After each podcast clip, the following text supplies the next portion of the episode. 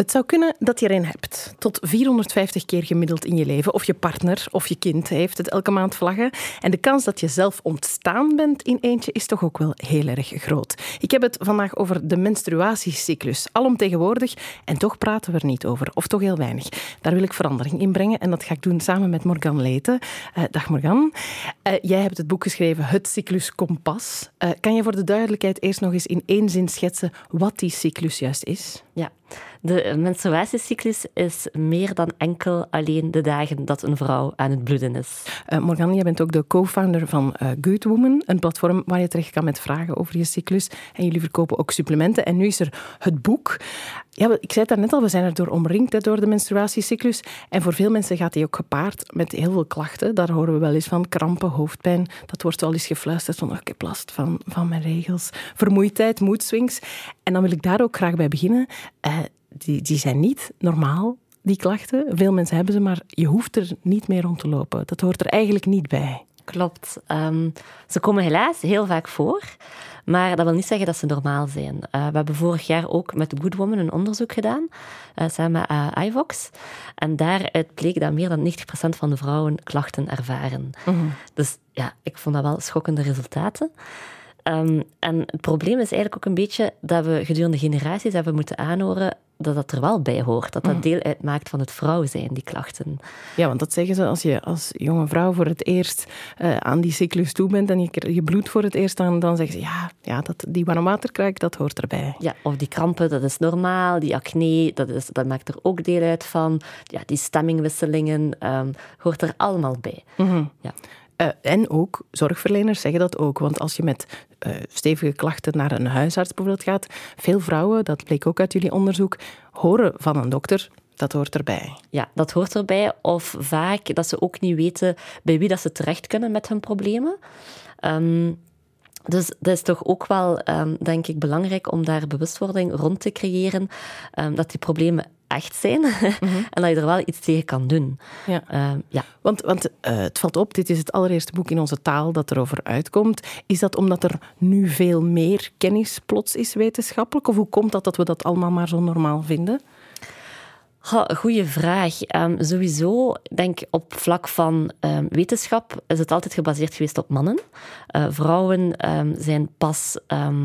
Het, medisch wetenschap um, is pas vanaf de jaren 90 ook op vrouwen toegepast geweest. Dus ik denk dat we daar met een grote gap zitten uh, wat betreft vrouwelijke gezondheid. Plus op vandaag gaan ze ook nog altijd niet echt onderzoek doen op vrouwen die zwanger zijn, uh, omdat ze die groep willen uitsluiten, logisch. Mm -hmm. uh, maar waardoor dat we dus eigenlijk wel veel wetenschap missen rond die vrouwelijke gezondheid. maar daar komt wel verandering in, omdat er ook meer over gesproken wordt. Um, ook gewoon in het algemeen, ik denk die menstruatiecyclus, zoals ik daarnet zei, het gaat meer dan enkel die dagen dat een vrouw aan het bloeden uh, is. En daar is er nog gewoon veel te weinig over geweten. Ja, ja, ja. dus meer onderzoek blijft nodig en er wordt ja. meer en meer kennis. Je zegt het ook, er wordt ook meer en meer over gepraat, want dat blijft iets wat nog heel weinig gebeurt. Hè? Er wordt weinig over gepraat. Is dat nog, nog een van de grote taboes voor jou? Ja, voor mij nu niet, omdat ik er dagelijks in zit. Dus ik spreek er heel veel over, maar ik merk wel in mijn omgeving dat het inderdaad nog vaak taboe is. Het wordt ook vaak nog altijd um, uh, aanzien als iets negatiefs, als iets vies, als, als, iets vervelend, terwijl dat een cyclus echt wel veel meer te bieden heeft. Um, en dat is ook een beetje de bedoeling van mijn boek, is om echt de vrouwen of, of mensen te gaan inspireren om die cyclus in hun voordeel te gaan gebruiken. Ja, het is duidelijk belangrijk dat we er ook hierover praten vanavond, want we gaan het hebben over een gezonde uh, cyclus. Waarover spreken we als het gaat over een gezonde cyclus? Ja, een gezonde cyclus is ook voor iedere persoon anders, omdat een cyclus uh, varieert van persoon tot persoon, maar ook van cyclus tot cyclus. Uh, algemeen zijn er wel een paar basisregeltjes dat je kan gaan uh, bekijken of dat je cyclus gezond is of niet. Um, dat wil zeggen, heb je een regelmatige cyclus of niet? Ja, wat is een regelmatige cyclus? Denk in de schoolboeken hebben we altijd geleerd dat een cyclus 28 dagen duurt en dat de ijsprong altijd valt op dag 14. Mm -hmm In de realiteit uh, wijkt dat vaak af. Uh, een regelmatige cyclus is meestal tussen de 22 40 dagen. Dus als je bijvoorbeeld een keer een cyclus hebt van 29 dagen of, of 30 dagen, dat is perfect normaal. Vaak zijn er dan mensen die mij contacteren. Oh nee, mijn cyclus duurt langer. Ja, wat is langer? Als je rond die periode van twee, allez, rond 22, 40 dagen zit, is dat perfect normaal. Waardoor dat je ijsprong ook gaat variëren van mm -hmm. uh, cyclus tot cyclus. Um, dat als je bloedt, dat dat ook helder rood bloed is. Um, dat je niet te veel tussentijdse bloedingen hebt. Um, dat je ook niet te veel klachten ervaart. Dat kan soms wel zijn dat je bijvoorbeeld de dagen voor of tijdens je maanstonden misschien wat ongemakken gaat ervaren, maar het mag je dagelijks functioneren niet verhinderen. Dat is de grens. Dus ja. Eh, je mag er wat last van hebben, maar je zou moeten kunnen meedoen met LO-lessen. Ja, dat is geen excuus om eh, LO-les te skippen. Maar als je krampen echt uh, niet uh, te houden zijn, of als je echt wel heel veel last hebt van stemmingwisselingen, dat die, de inner voice het volledig overneemt van jezelf, dan moet je wel eens gaan nadenken van oké, okay, hier klopt iets niet. Mm -hmm. um, ook als die klachten echt heel hevig zijn, het is ook een beetje een signaal van je lichaam van ja, ja, want ik las ergens in je boek dat het eigenlijk een soort vitale functie, zoals je ademhaling en je bewustzijn, dat voor, voor mensen die een cyclus hebben, dat het ook zo'n vitale, vitaal teken eigenlijk is. Ja, klopt. Uh, menstruele gezondheid zal ook je algemene gezondheid bepalen. Mm -hmm. En meer reflecteren ook. Ja. ja en het tonen. Um, want uh, jij, jouw interesse voor de cyclus, die is er ook gekomen omdat die op een bepaald moment niet goed liep? Ja. Um, is inderdaad een, mijn persoonlijke ervaring. Um, ik denk dat heel veel uh, mensen zich daarin kunnen herkennen. Dat was in 2016, het jaar waar ik gestopt ben met de pil. Ik dacht, joehoe, uh, eindelijk geen rommel meer in mijn lijf. Dat is ook voor iedereen persoonlijk natuurlijk. Het was ook het jaar dat ik ging trouwen, dus ik dacht van, oké, okay, ik heb het lang genoeg genomen. Uh, misschien tijd om ermee te stoppen. Als ik dan zwanger zou zijn, is dat ook geen ramp.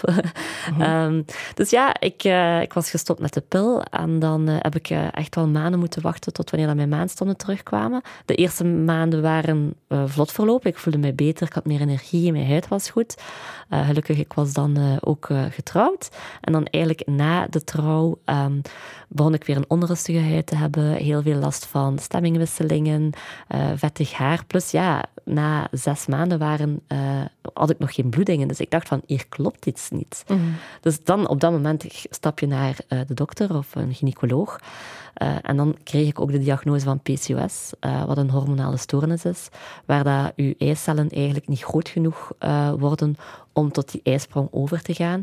En een ijsprong is cruciaal om te menstrueren. Mm -hmm. um, dus zo is het eigenlijk allemaal begonnen. En dan, als je PCOS hebt, dan, wordt, dan krijg je ook als therapie hormonen uh, toegediend? Of dat is de eerste... Want ja. dat is een beetje een rode draad. Dat, uh, als je als jong iemand naar de dokter gaat met, met problemen, dan krijg je de pil toe uh, voorgeschreven, want dan, dat lost dat wel op. Er worden eigenlijk snel hormonen gebruikt om de dingen op te lossen. Ja, er worden inderdaad... Um, ja, als, ik denk als vrouw inderdaad dat je, je start met de eerste menstruatie als tiener.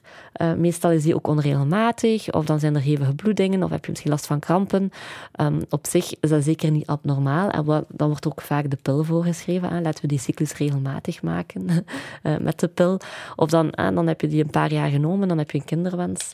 Um, dan moet je stoppen met hormonale anticonceptie. Stel dat die kinderwens niet vlot verloopt, dan krijg je ook opnieuw hormonen uh, toegediend. En dan, eens dat je eigenlijk dan een, een kind hebt gehad, dan ga je zo snel mogelijk terug op hormonale anticonceptie, omdat je dan een zwangerschap wilt vermijden.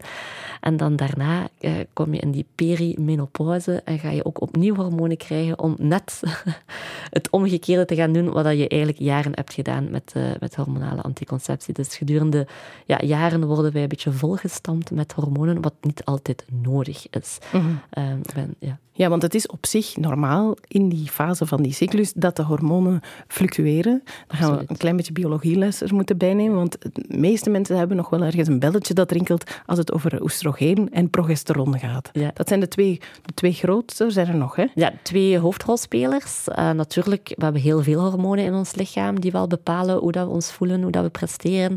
Um, dus ja, oestrogeen, progesteron zijn de belangrijkste, die ook gaan bepalen hoe dat een cyclus verloopt. Um, en ja, die fluctueren doorheen uw cyclus. Dus het is normaal dat er schommelingen zijn. Mm -hmm. Ja. Ja, ja, ja. Want ik moet ineens denken aan, uh, bij, omdat het over oestrogeen gaat, er zijn verschillende vormen van oestrogeen. En dan leerde ik in jouw boek dat oestriol een vorm is van oestrogeen dat in de zwangerschap uh, prominent wordt, want dat doet je baarmoeder groeien. En dat dat dan wordt geproduceerd door de lever van de foetus die je draagt. Ja. Dat soort dingen, daar val je toch van om. Dat je lichaam zo werkt, nee? Of bij jou is dat misschien al algemene kennis allemaal? Nee, op zich. Ik heb zelf ook, wanneer ik het boek heb geschreven, nog heel veel bijgeleerd. Ik leer ook nog elke dag bij. Dat is het leuke aan vrouwelijke gezondheid. Door het feit dat dat nog een beetje in zijn kinderschoenen staat. Um, zeker de menstruele gezondheid.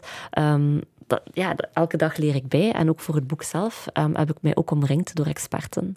Uh, die hebben meegeholpen met de juiste input. Mm -hmm. uh, ook uh, nalezen van bepaalde stukken dat ik heb geschreven.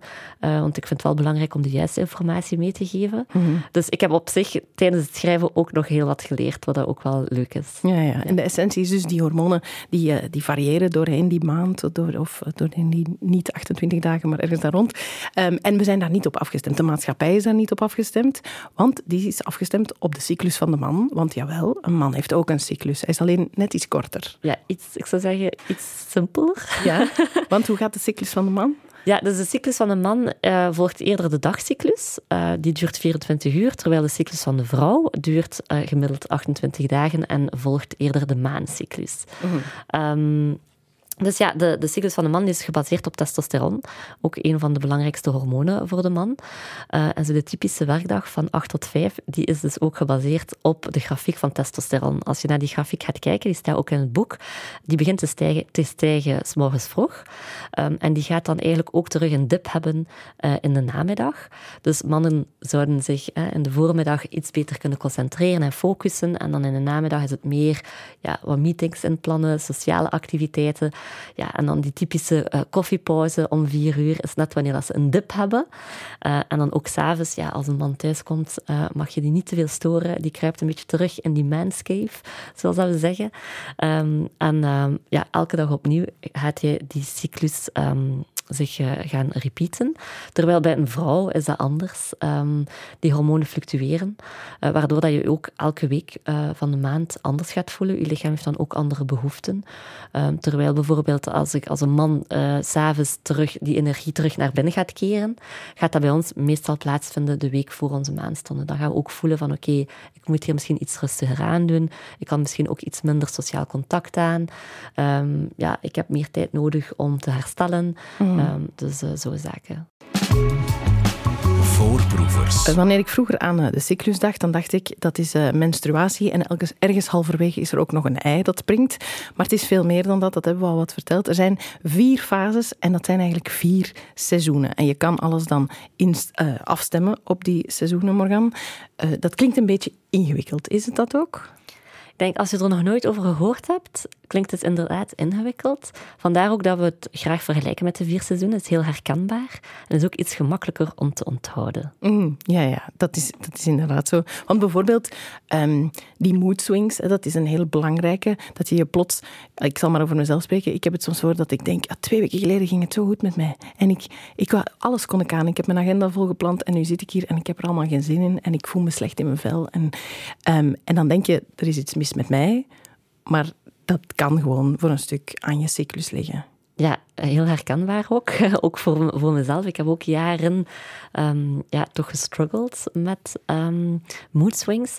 En ik begreep niet goed van waar dat die kwamen, tot wanneer dat ik dus ook meer kennis had opgedaan rond de cyclus, rond die fases. En dan had ik zoiets van, ah oké, okay, daar... Dat is, dat is een beetje de reden van waarom ik me zo voel. En ik kan er dan ook nog iets aan doen. Mm. Om bijvoorbeeld die mood swings iets ja, allez, zachter te gaan. Uh. Ja, want concreet, op, als het dan over de hormonen gaat, er is een plotse daling van oestrogeen. En dat heeft alles te maken ook met serotonine en met dopamine. En het is gewoon hormonaal bepaald dat je je wat slechter kan voelen. Ja, klopt. Uh, inderdaad, oestrogeen is een, ik noem het een feel-good hormoon. En die begint ook te stijgen de dagen na je maanstonden. Je gaat dat ook voelen. Je hebt iets meer energie, je voelt je beter. Uh, je gaat je misschien ook wel wat aantrekkelijker voelen, zeker richting die ijsprong. Uh, we, zijn, we zijn ook gemaakt om ons voor te planten. Mm. Dus, Dan zijn we in de lente. Hè? We zullen ja. de seizoenen er even bij halen. Ja. Dat klinkt als een lente. Van ah, de eerste knopjes beginnen hier te komen. Het gaat stilaan een beetje beter met ja, de wereld. inderdaad. Dus de lente komt na de winter. Uh, de winter is die menstruele fase, de dag dat je aan het bloeden bent. Uh, en net zoals de winter heb je misschien meer zin om binnen te blijven, die warmte op te zoeken. Uh, dus je lichaam gaat dat dan ook wel uh, voelen dat dat zo is. Terwijl ja, de lente heb je meer zin om buiten te komen, heb je meer energie. En dat is ook dankzij oestrogeen die dan stijgt. En die bereikt dan ook zijn piek rond ovulatie. Mm -hmm. ja. Dus dan ben je ja, op zich logisch, biologisch, moet er een baby gemaakt worden. Dat willen die lichamen. Dus moet je je zo goed mogelijk voelen om iemand aan te trekken, een man aan te trekken en die baby te maken. Ja. Ja, inderdaad. Um, dan ben je ook het vruchtbaarst um, in de periode uh, na de lente, de zomer, dus de ovulatiefase. Dat is ook een, een korte fase, duurt drie tot vier dagen. Um, dus uh, op dat moment ga je je als vrouw inderdaad heel aantrekkelijk voelen, goed in je vel voelen. Uh, je kan echt wel de wereld aan. Hm. maar dat is, is, natuurlijk niet enkel handig om, zich, om, om, kinderen te maken, maar bijvoorbeeld ook handig als je bijvoorbeeld een loonsopslag wilt op het werk. Hè. Dan voel je van oké, okay, ik sta hier, ik voel mezelf zeker en uh, ik ga hier nu een keer uh, mijn baas overtuigen. Ja, ja oké. Okay. Ja, dus... dus... dingen waar je veel zelfvertrouwen voor moet hebben, uh, moeilijke gesprekken, nieuwe ideeën pitchen, ja. dat soort dingen, dat moet je doen in je zomer. Ja, of in die gaan, korte zomer. Ja, Of gaan netwerken. Um, dus, of ja, de dagen ervoor ga je ook al voelen van oké, okay, ik, voel, ik voel me goed in mijn vel. Um, dus dat zijn ook allemaal zaken dat je kan, waar je rekening mee kan houden om gewoon in je leven, je, je leven beter te plannen. Mm -hmm. Um, en betere beslissingen te maken. Ja. ja. En wat dan bijvoorbeeld, hè, daarna uh, komt die herfst, dan, uh, dan gaan we nog niet helemaal onder een dekentje zitten, uh, maar het komt toch al een beetje in de buurt. Ja, nee, de herfst is gezellig uiteindelijk. Um, en de herfst is natuurlijk ook de, de, langste de langste periode van de cyclus, 10 tot 14 dagen voor de winter of voor uw maandstonden. En dan ga je ook voelen dat die energie naar binnen keert. zeker de dagen, of misschien bij sommige mensen ook de week voor uw maandstonden. maar zo nog de dagen na je ovulatie ga je zeker wel nog voldoende energie hebben. Um, maar zo die week ervoor of die dagen ervoor um, gaan heel wat mensen bepaalde klachten ervaren. Uh, omdat dan ook, ja, soms kan het er ook een, een, een hormonale disbalans uh, voorkomen. Um, ja, je hormonen veranderen ook uh, doorheen de cyclus, waardoor dat u ook anders gaat voelen. Maar als je goed gaat leren luisteren naar je lichaam, van oké, mijn energie keert naar binnen, ik ga het ook wel rustiger aandoen. Ik ga bijvoorbeeld niet elke dag vijf kilometer of tien kilometer gaan lopen, of ik ga niet elke dag overuren doen op het werk, of mijn agenda volplannen met sociale activiteiten en laat in mijn bed gaan. Dus net belangrijk om, om naar je lichaam te luisteren, zodanig dat je je beter gaat voelen waardoor dat die klachten misschien ook wel iets zachter kunnen zijn. Of... Want het is door te vechten tegen die klachten dat, dat we ze erger maken, door niet te luisteren naar wat we eigenlijk nodig hebben? Ja, klopt. En het is dat ik wel handig vind, net door cyclisch te gaan leven, ga je beter leren luisteren naar je lichaam, ga je beter begrijpen wat je lichaam nodig heeft. Om maar een voorbeeld te geven, ook tijdens de herfst heeft je lichaam meer calorieën nodig. Um, ehm, 100 tot 300 calorieën. Um, en als je dan net uh, op dat moment streng gaat diëten, uh, of wat, wat dan nu een grote hype is, vasten, of keto-dieet of whatever, of gaan detoxen of gaat leven op sapjes, ja, dan is dat niet de ideale periode om dat te doen. Um, want je lichaam heeft net meer calorieën nodig. Dus het is net belangrijk om ja, voedzame, voedzame maaltijden te benuttigen. Zodanig dat je energiedipjes gaat vermijden en ook die food cravings gaat vermijden. Mhm. Dus dat zijn allemaal zaken ja, it makes sense. Ja, ja, ja. Ehm, puur door de hormonen die door je lijf razen, uh, moet je een beetje anders eten of kan je, kan je wat anders eten en daardoor ga je jezelf al een stuk beter voelen. anders eten, anders bewegen. Uh, ja, want om het nog wat over het werk, we hadden het over de lente, dat, dan ben je creatief en dan, ben je, en dan die moeilijke gesprekken doe je in de zomer. Hoe ziet dan zo'n herfst en zo'n winter eruit in een ideale werkplek? In een ideale werkplek op zich, want ik krijg vaak de opmerking van ja, maar oké, hoe ga je daar dan mee aan de slag? Uh, het is uh, allemaal gemakkelijk voor mensen die voor zichzelf werken of zelfstandig zijn, die kunnen een agenda iets beter inplannen. Ja, want ik moet bijvoorbeeld wel elke week hier zijn. Dat is op zich eerder een zomers-lentes gevoel dat ik hier nodig heb dan, dan dat herfstige winteren. Ja, klopt. Um, en... Um, dus ik begrijp dat dat inderdaad misschien gemakkelijker lijkt voor mensen die uh, zelfstandig zijn of zelf een agenda kunnen inplannen. Maar op zich, je hoeft niet um, te starten met je werk. Je kan eerst bijvoorbeeld um, andere zaken gaan aanpassen, zodanig dat je wel leert om uh, cyclisch te leven, bijvoorbeeld op vlak van voeding, of op vlak van beweging, of op vlak van sociale activiteiten. En dan kan je dat misschien ook gaan toepassen op je werk. Mm. Um, en bijvoorbeeld in die herfst-winter zou ik bijvoorbeeld vermijden om echt nieuwe dingen te gaan uitproberen op, uh, op werkvlak, maar meer de zaken te doen die misschien ja, waar dat je al een bepaalde routine in hebt, waar dat je je ook zelf zeker in voelt om te gaan doen. Uh, ik zou zeggen, doe geen zotse dingen, ja. maar plan die dan in in de lente of de zomer. Um, of ja, bijvoorbeeld thuis kan je bijvoorbeeld iets meer hulp uh, vragen uh, aan je partner of aan je kinderen, of meer hulp in, in, ja, in, in thuis, in, in, in als bijvoorbeeld een poetsvrouw net in die week te laten komen, -hmm. of iets meer takeaway maaltijden zodanig dat je niet hoeft te koken. dus dat zijn ook allemaal kleine uh, zaken dat je kan toevoegen uh, ja, in je ja. leven om het ook iets gemakkelijker te maken. Of vroeger gaan slapen, uh, of minder sociale activiteit. Iets meer nee zeggen, iets meer tijd voor jezelf. Een keer de tijd nemen om een bad te nemen, of misschien een massage te boeken. Uh, zo zaken. Het kan ja. soms heel simpel zijn. Ja, ja, en om vooral goed naar je lichaam te luisteren, want dat is de ultieme zelfzorg als het erover gaat. Als we hadden het er net al even over.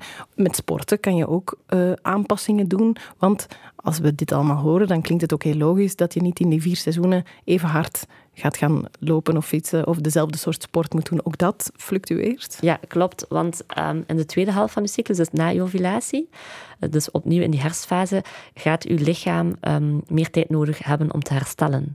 Dus dan ben je ook minder... Um, ga je ook voelen dat je minder energie hebt. Um, dus het feit dat je minder snel herstelt, moet je jezelf ook niet gaan forceren om bijvoorbeeld elke dag intensief te gaan sporten. Er zijn andere manieren van beweging.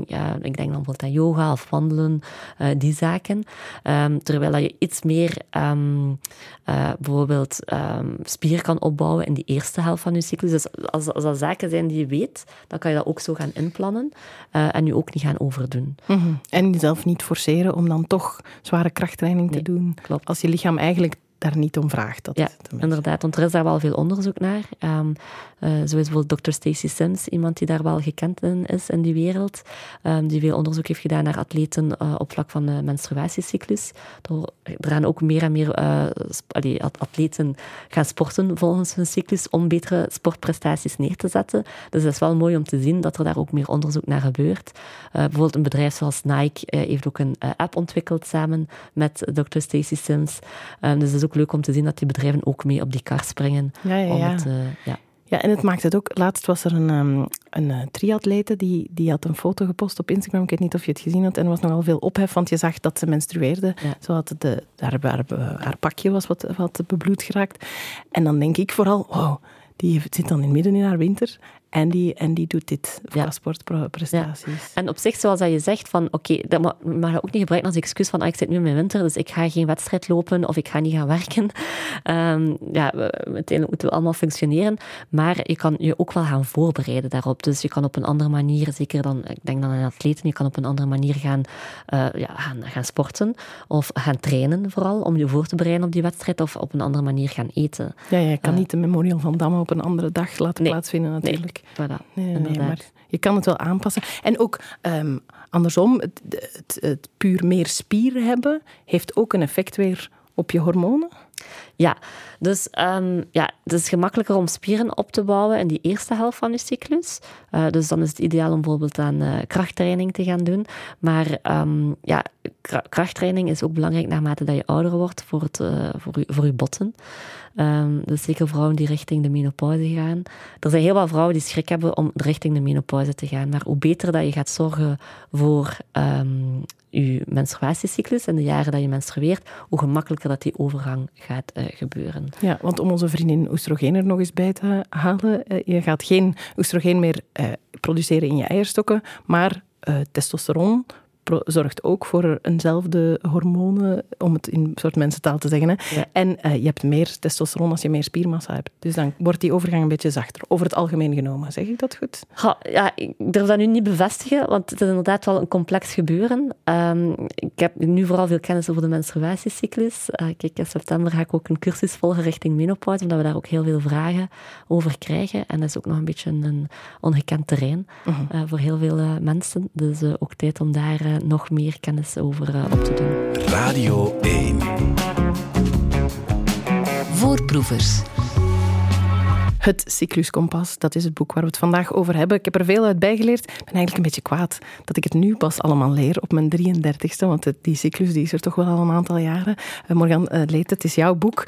Ja, dat libido, uh, dat fluctueert ook doorheen je cyclus. Nu je daarover nadenkt, biologisch, is dat ook weer heel normaal dat je op sommige momenten um, wel zin hebt in seks en op andere momenten veel minder. Ja, klopt. Ik zou het ook niet zo zwart-wit zien van nu wel, nu niet. Uh, ook daar kan je bijvoorbeeld anders omgaan met seks. seks is natuurlijk een heel breed woord, mm of libido is een, een breed woord.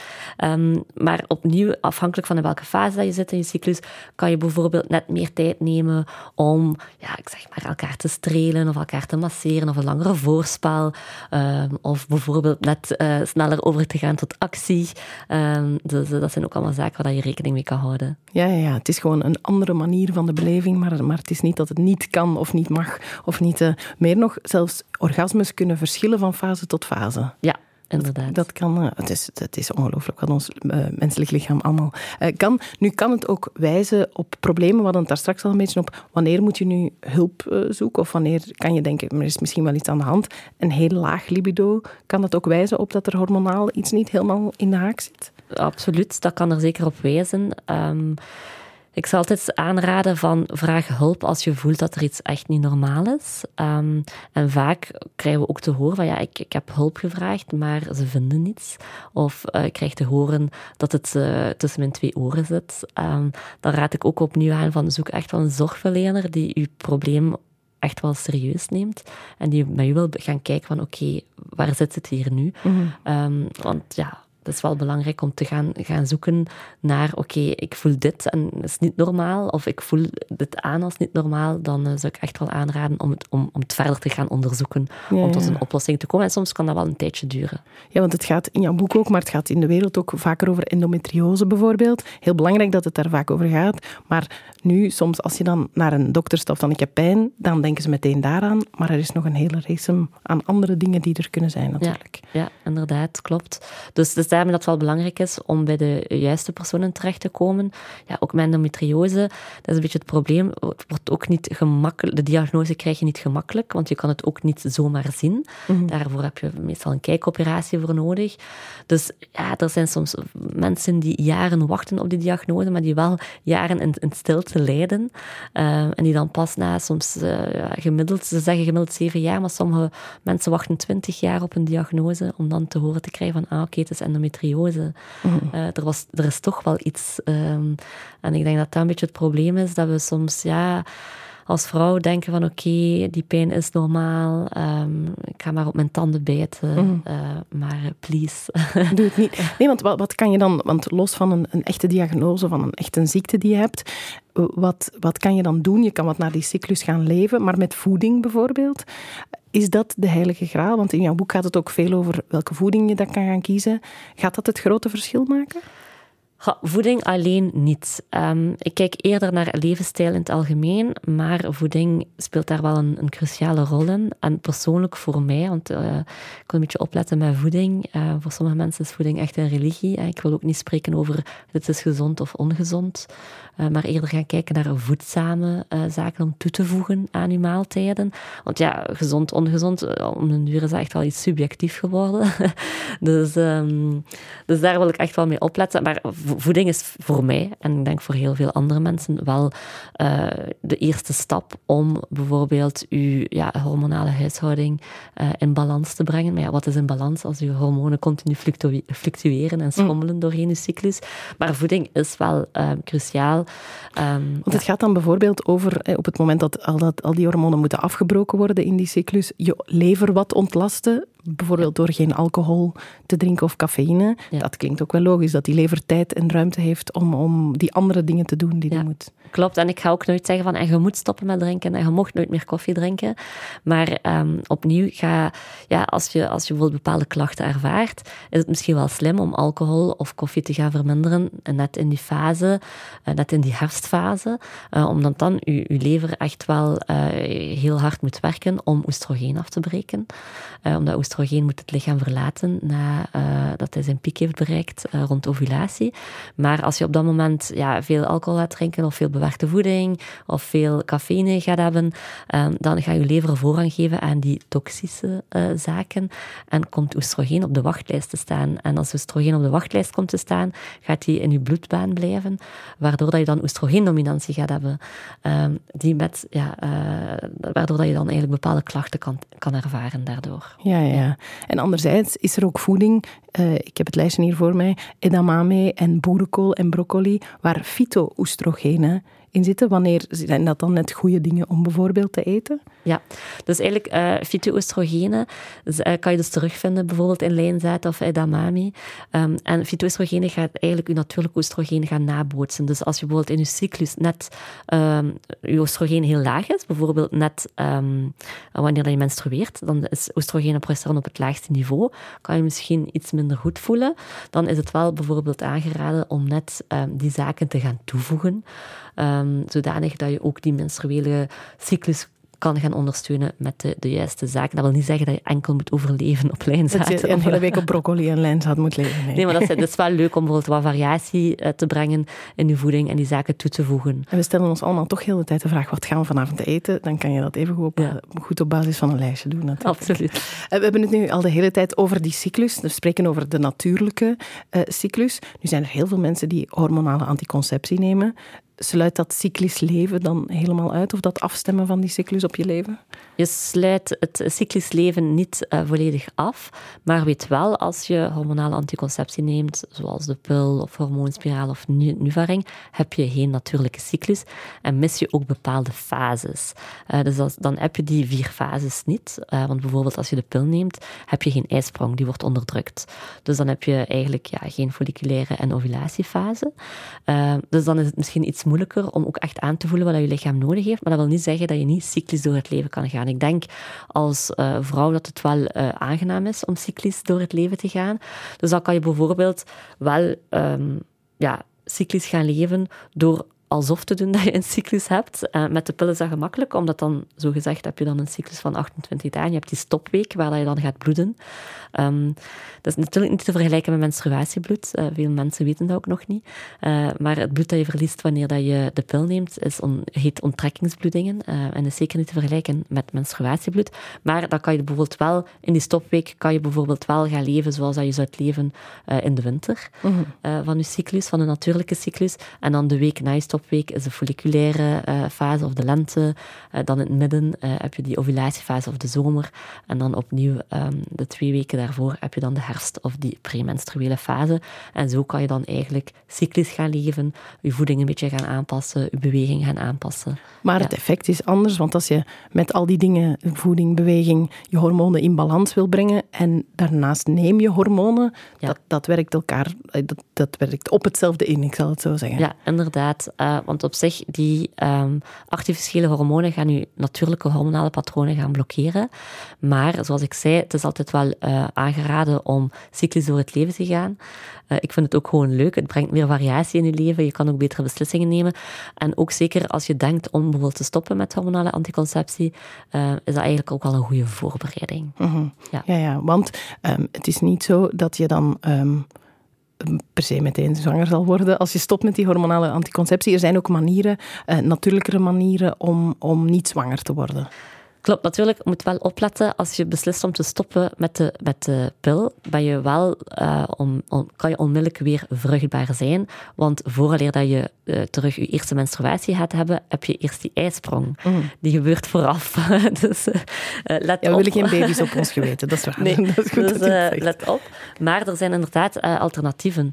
Um, en dat vind ik ook belangrijk. Dat geef ik ook mee in het boek. Um, de bedoeling van het boek is ook om zoveel mogelijk opties mee te geven. Ik ben zeker niet tegen hormonale anticonceptie, maar vaak wordt enkel ja, de pil uh, voorgeschreven voor bepaalde klachten, waardoor dat je wel naar andere zaken kan, kan gaan kijken. Ik vind de pil dient echt als iets uh, om een zwangerschap te vermijden en niet bijvoorbeeld om minder acne te hebben of minder krampen te hebben. Of, ja. ja, want daar, het heeft ons ook heel veel gebracht en vrijheid en emancipatie ja. als vrouw, net omdat we niet meer zwanger moesten worden en per ongeluk ook dat het minder ja. gebeurde. Maar heel veel jonge meisjes krijgen op hun. Heel jonge leeftijd de pil voorgeschreven, ja. zelfs als ze nog niet seksueel actief zijn. Nee, inderdaad. Uh, omdat ze net met die bepaalde klachten zitten. Uh, en ik denk dat we ook een generatie zijn die de pil echt al heel lang neemt. Uh, zelf heb ik het ook 10, 15 jaar genomen. Maar omdat ik ook gewoon geen andere opties had. Omdat, mm -hmm. omdat, ik ze niet wist. Ik had die kennis niet. En um, dat ik zei, ik ben er zeker niet tegen. Het heeft ervoor gezorgd dat we kunnen studeren, dat we een carrière kunnen uitbouwen. Maar er zijn ook natuurlijke alternatieven voor hormonale anticonceptie. en dat is bijvoorbeeld de Sensieplan-methode, waar dat je aan de hand van bepaalde lichaamssignalen gaat bepalen um, op een wetenschappelijke manier gaat bepalen wanneer dat je vruchtbaar of onvruchtbaar bent. Wat handig is wanneer dat je een kinderwens hebt, maar ook wanneer dat je een zwangerschap wilt vermijden, bijvoorbeeld. Hm. Je zegt het, het is een, eh, een heel veranderlijk iets. Hè. Wij zijn een generatie die heel jong de pil heeft gekregen. Onze ouders al helemaal een ander verhaal. Um, hoe ziet de toekomst eruit voor, voor de cyclus, zal ik zeggen? Die zal hetzelfde blijven misschien, maar over de kennis ervan? Um, de toekomst, ik zie, ja, de toekomst zie ik rooskleurig. of roodkleurig. um, en uh, ik denk nu um, merk ik dat we wel in de minderheid zijn. Um, uh, vrouwen die volgens een cyclus gaan leven. Uh, we zijn echt wel in de minderheid. Maar ik ben ervan overtuigd dat we met meer en meer uh, zullen zijn. Want het is pas als je echt gaat ontdekken hoe dat je cyclus in je voordeel kan werken, dat je daar ook de, de ja, de, de, vruchten van gaat kunnen plukken. Dus ik ben ervan overtuigd dat er meer en meer um, mensen wel gaan overstappen op die natuurlijke uh, anticonceptiemethode. Uh, of net gewoon een natuurlijke cyclus willen. Um, dus ja, de, de, toekomst zie ik um, ja, gewoon meer en meer mensen die volgens een cyclus gaan leven en meer in hun kracht gaan staan daardoor, waardoor dat ze betere beslissingen gaan kunnen nemen. Ja. Uh, een beetje eigenlijk het, het joggen. Ik spreek nu weer over, ik wil geen reclame maken voor Nike, maar ook toen dat Nike gestart is in de jaren 60, uh, eh, was dat ook uh, mensen die gingen gaan, joggen op straat, waren de weirdo's. Um, mm.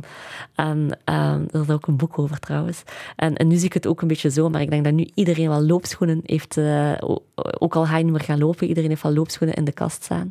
En ik ben ervan overtuigd dat iedereen wel in de toekomst wel geprobeerd zal hebben om volgens die cyclus te leven. Mm. En het eerste boek bij ons is er nu ook over het cycluskompas van Morgan Leiden. Morgan, dank je wel voor je boek en om hier te zijn. Dankjewel.